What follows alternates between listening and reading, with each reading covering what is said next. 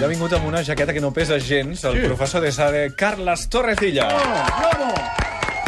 Què, què, què pesa? Agafes No la jaqueta, bufes i vola com si fos una ploma. Eh, i abriga. La seva jaqueta. Ai, coi.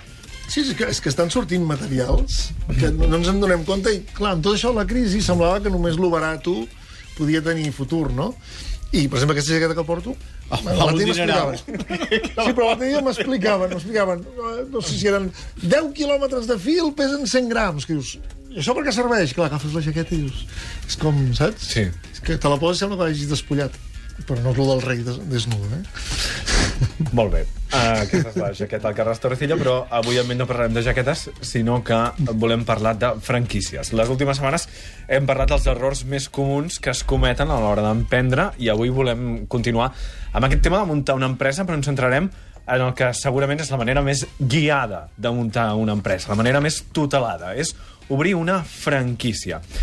Hem vist eh, en aquestes últimes classes que hem fet amb el professor Torrecilla que un dels principals problemes de ser emprenedors que tot depèn de tu, que hi ha tantes coses a fer, a tenir en compte que a vegades no ens queda temps per centrar-nos en el que realment importa. En canvi, si decidim muntar una franquícia, això en principi canvia totalment i ja el, diguem-ne, el pla de negoci et ve muntat, Clar. de dalt a baix. Clar, és que moltes vegades, quan ens, volem fer emprenedors, volem, mm. pues, dir, dir, escolta, jo, jo no, no vull ser empleat d'un altre, vull ser propietari del meu propi projecte, no només fem aquest pas, sinó que diem, i a més a més, començaré de zero, decidiré el terra, la calefacció, les assegurances, tal, tal... Què acaba passant? Que dius, no, jo estava en una empresa i vaig muntar una, una altra empresa perquè pensava que ho podia fer millor. I al final el que acaba passant és que tens menys temps i ho acabes fent pitjor. Per què? Perquè acabes doncs, tancant, fregant, perquè et falta el no sé què, canviant bombetes, i dius, no, però si jo el que havia de fer era massatges, no? Doncs pues mira, s'ha canviat canviant bombetes i fregant, no? Per què? Perquè no havies previst que tot això s'havia de muntar, havies de tenir pla, pla B, C i D, etc etc. Per tant, la franquícia és com una cura d'humilitat d'aquell que diu vull ser independent, però per anar cap a aquesta independència d'ingressos, de decisions, hi ha un pas intermig, que és que algú em tuteli com passar a ser empresari. Mm. La franquícia és una molt bona manera de fer aquest pas intermig entre algú que treballa per un tercer i un que munta el seu projecte des de zero, com a ell li agradaria. Quina capacitat tens de prendre decisions si estàs obrint una franquícia? Aviam, en, el que tens és capacitat d'aprendre, mm. tens capacitat de treball, tens capacitat inclús de decidir si dius, no, jo, mira, agafaré aquesta franquícia, però l'agafo en una ciutat pues, més gran, més petita, en un barri més tal... Mm. Ells et diran dient sí, no, això t'ho permetem, això no és a dir, la franquícia té un, un rang en, en el qual es pot moure. Eh, per exemple, no, dius, no vull obrir una franquícia d'això, per exemple, a l'aero- a l'aeroport, però bueno, però a quina terminal, quin local agafaràs, quan pagaràs, què hi ha disponible? No, ho vull fer en un centre comercial, o no, ho vull fer en una zona més... I el franquiciador et va donant una sèrie de pistes. Doncs pues mira, que sàpigues que per obrir aquest local en aquest tipus de barri no pots permetre més de tal lloguer. Hi ha locals de, més, de menys d'aquest lloguer? No, ni t'hi fiquis, saps? Val? Ja, ja t'acaba de salvar del pitjor dels errors que podies cometre, que era ser esclau d'un lloguer que mai podries pagar, per exemple, saps? Tu decideixes, però el que sí et posa és un, un, un passa no passa. Mm. Pots no pots. El I fins passa- posa, perdó, fins i tot et posen algun límit de no només el lloguer, sinó si en aquella zona ja hi ha un altre establiment igual, hi ha zones que, que no et deixen, no? Sí, per què? Perquè sempre és aquell concepte que està de fons en tots els temes empresarials, que és el risc-rentabilitat. Aquest concepte que sembla evident, però que tothom hi, cap, hi, hi, hi, ca- hi cau de quatre potes. Sí. Escolta, si tens més rendibilitat, és que tens més risc.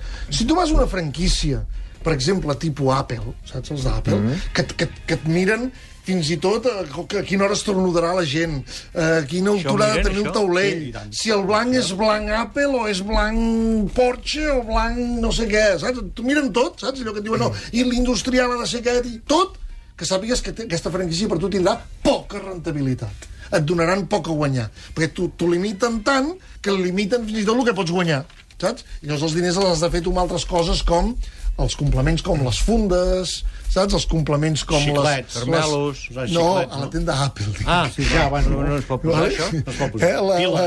No, per exemple, no et deixaran posar, per exemple, coses com Ah, vosaltres voldríeu posar. sí. Sinó que et diuen, no, i pots vendre aquest tipus d'accessoris i en aquí sí que et pots guanyar la vida. Però amb els ordinadors et limito molt. Per què? Perquè t'ho he limitat molt. Com que t'ho limito molt, et limito el risc, però et limito també la rendibilitat. En canvi, aqu aquells que et permeten més rendibilitat són aquells que també et demanen que tu prenguis també més part de la decisió. Si ets més partícip del risc, seràs també més partícip de la rendibilitat. Mm. Hi ha riscos que assumeixes tu, sent-ne conscient del risc que assumeixes, però el que penso és que potser la recepta del propietari de la franquícia no és infal·lible. Potser et diu... És que si fos infal·lible, et donaria rendibilitat Zero. Molt bon alumne! És que està posant cara de bon alumne! Sí, sí, sí. Llavors encara aquesta me la sé. Sabia pas de què parlaven. Ha dit Però vull dir zero, que com podia dir molta gent que eh? agafa una franquícia no en té ni idea de negocis i es refia del que li diu el propietari de la franquícia. Exacte. Principal interessat de que les franquícies vagin bé. Sí. Perquè hi ha molta gent que diu, no, com que és una franquícia, al franquiciador li és igual si et va bé o no. No! Clar, clar, clar. Perquè, clar, li, po li poden créixer els nans. És a dir, clar, diu, no, escolta, un moment, que jo no tinc un franquiciat del qual m'aprofito i tal, en tinc 100. Mm. I 100 tios cabrejats és molt cabreig. No sé, no, saps? sí, trobar-los a fora casa. Tu t'imagines el cost? Què, què creus que costa més? Un franquiciat content o un franquiciat cabrejat? Un de cabrejat, eh? Clar. Perquè comença a fer coses que no ha de fer, comença a demanar, comença tal... No, en canvi, el que està content, el que li funciona bé... Per tant, el franquiciat, el, perdó, el franquiciador és el principal interessat en que això es vagi. Aviam, sempre hi ha de celebrats, eh?, que fan una cosa especulativa. Ah. Però, en general, els franquiciadors, i per això també és important agafar franquícies de cadenes que puguis anar a parlar amb altres franquiciats i et diguin, sí, i estic content, saps? Mm. El franquiciador que t'expliqui missa, tu després ves i parla amb, franqui amb franquiciats. Entre els franquiciats també n'hi deu haver de descerebrats. Hi ha de tot. Sí. Hi ha de tot. No? Sí, sí, sí, sí, sí. La feina ha- del, del franquiciador és detectar-los i dir-li a tu no et dono la franquícia perquè veig que no ho faràs bé. Bueno, la franquícia, per definició, té un, un temps limitat, té un temps limitat i un territori limitat. Per tant, d'alguna manera, el franquiciador el que diu és jo confio en tu, mm. però durant un temps, després ho hem de renovar, i per un tros concret, per una zona concreta. Què passa? Que el franquiciat de celebrat s'autodescarta, perquè és tan, és tan xulillo, tan, tan, tan guai ell, que, que diu, "Eh, per què el necessito? Saps? I se surt ja sol de la franquícia, moltes vegades. 932017474 us donem el telèfon per participar en directe a la tribu de Catalunya Ràdio, que és el Si ets un 93 descerebrat, 74 que truquin, o com 74 va no això? per descerebrats. Ah. Per descerebrats o no. Gent, per exemple, que hagi muntat una franquícia, Una hagi franquícia. obert una franquícia, Vale, ben vist. I que ens pugui explicar com li ha anat l'experiència. Tenim un cistell de Aquelles productes del Capravo iogurt. Eh? de les marques Bell Selecta Sí. i Sanya. Uh, per A aquelles allò. persones que ens truquin i ens Es puguin explicar allò. la seva experiència i ens podeu dir si us ha anat bé Iogurt. o no. Els del iogurt. Aquelles noies del iogurt. Eren franquiciadores. Van Sí. fer molt d'èxit, aquelles noies. De quant temps acostumen a ser els contractes d'una franquícia? Quins són els deures i els principals preguntes? drets principals d'un franquiciat? sé jo, Rossinyol. Però ho sap la Marta Cristià, això. És... Nens! és molt important amb el tema aquest de la franquícia, que entenguem també que estem posant en, en marxa un projecte i que, per tant, requereix un temps. És a dir, hi ha un franquiciat que si no comença a guanyar diners immediatament ja es posa molt nerviós i ja comença a fer trampes. Això és el que, el, el que fa vi, per exemple, no? Que fa vi, ara mira el cep i diu, caram, mm. escolta, ja comença a fer bon temps i aquí no surten fulles, saps? I sembla mort, això. I la tentació és de regar. I clar, si regues, pues ja aquell vi no serà tan bo, perquè sortiran les arrels més superficials, per tant no anirà a buscar l'aigua cap a sota el cep, per tant no agafarà minerals, mm. per tant el vi d'aquí un any no serà tan bo. Però clar, si regues, l'endemà què passa? Que surten fulles. I dius, veus com tenia raó jo? Sí, pa per avui, gana per demà. Sí que en saps per tant. Eh? M'agrada molt, i més com que els tinc ells dos aquí, que també sé que saben de vins, eh? doncs el pagès i el xuriguera, quan parlo vins sí que callen. Llavors, sempre que vegis que parlen molt, jo posaré un exemple de vins.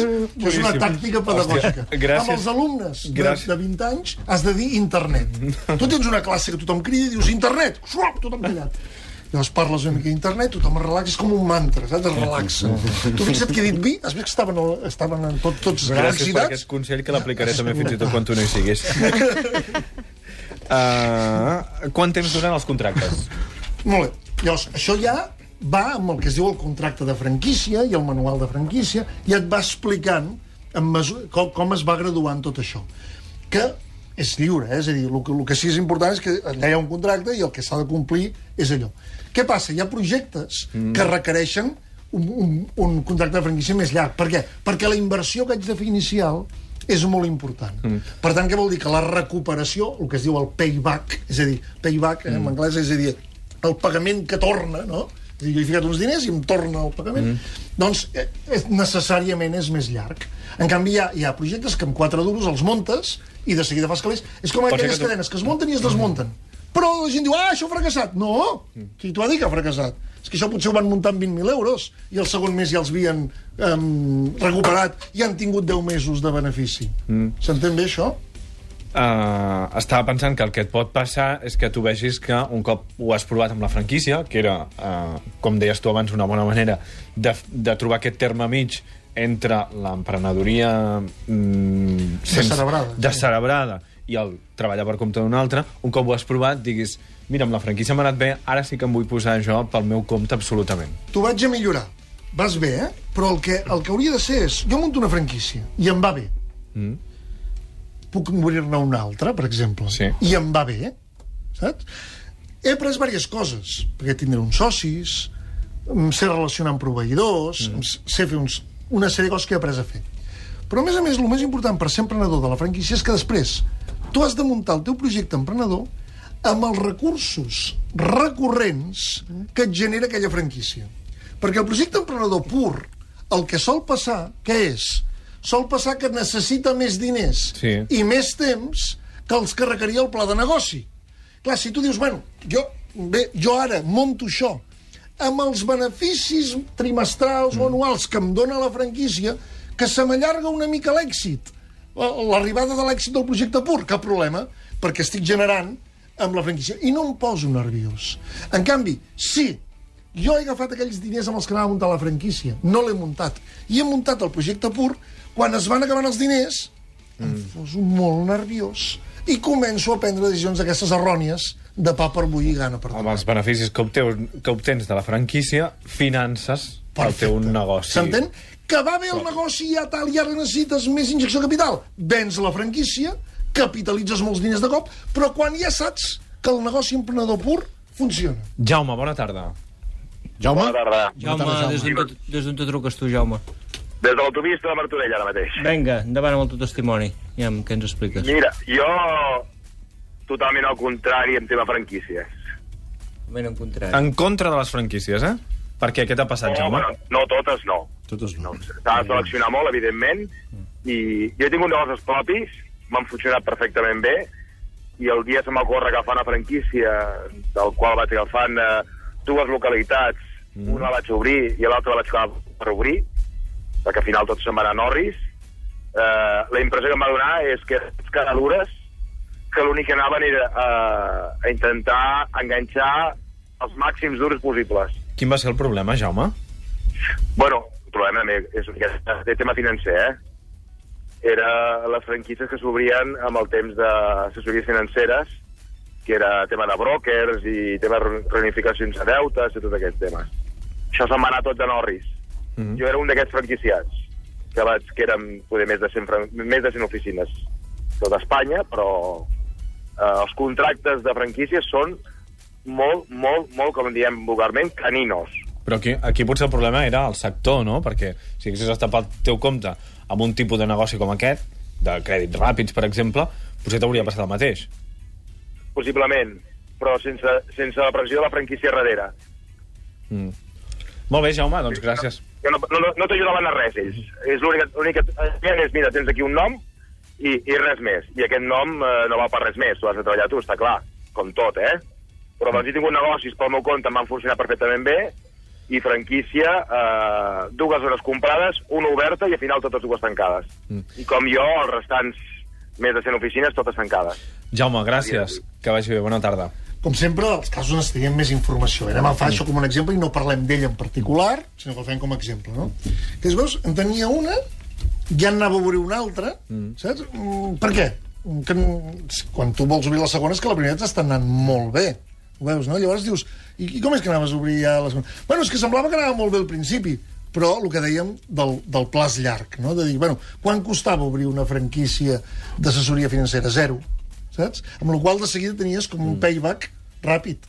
Ah, eren uns negocis de conjunturals per un moment donat i el que havies d'aprendre era a fer aquell negoci guanyar diners amb la primera franquícia i ja està. Era una franquícia temporal. Era una franquícia per aprofitar un moment. No era com aquell que diu, no, vaig a muntar una, una, un tema, per exemple, que, que et diria, jo, una, una pastisseria que es basa en la fidelitat dels clients a llarg plaç. No, no, era una assessoria financera de refinanciació de deute davant d'una crisi Clar. financera on la gent no tenia diners. Sabies que tenies un dos anys per guanyar diners. Sí, sí. Clar, la segona franquícia que obries ja, d'alguna manera, parla de que la filosofia no l'havies entès. Et havies pensat que aquella franquícia era per 20 anys. I no hi ha crisi que duri 20 anys.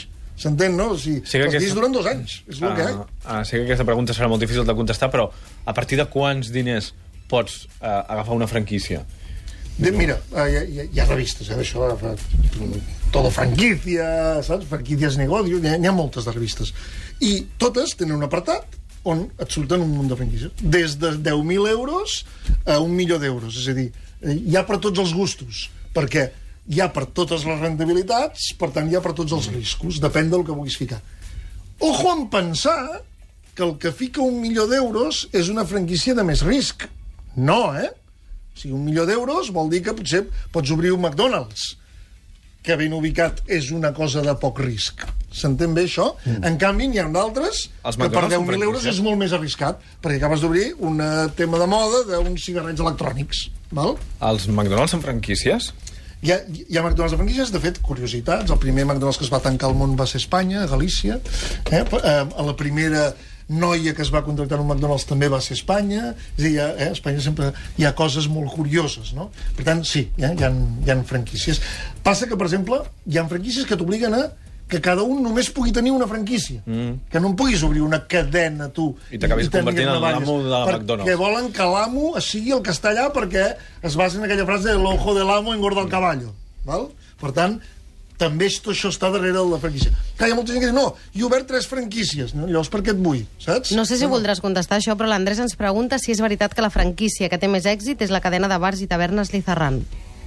Té molt èxit. Mm. No és la que té més èxit, és a dir, n'hi ha, hi ha moltes. Aquests tenen èxit, però no només tenen aquests. És a dir, en aquest, dins d'aquesta empresa n'han provat diversos de models, n'hi ha uns que els han funcionat, uns altres que no, però no oblidem que també hi ha el tema de les modes, és a dir, de cop troben un àmbit en el que es posa de moda, creen una massa crítica, hi ha una sèrie de clientela, de cop els hi costa més saturar una zona, saps? Per tant, és, un, és una de les bones. Carles, moltíssimes gràcies. El que farem és que el Jaume, per compensar-li el disgust que li va, li, li va provocar la pèrdua de les seves dues franquícies, li donarem un cistell de productes Capravo. Molt bé, sí senyor. Gràcies per haver-nos trucat. Una franquícia.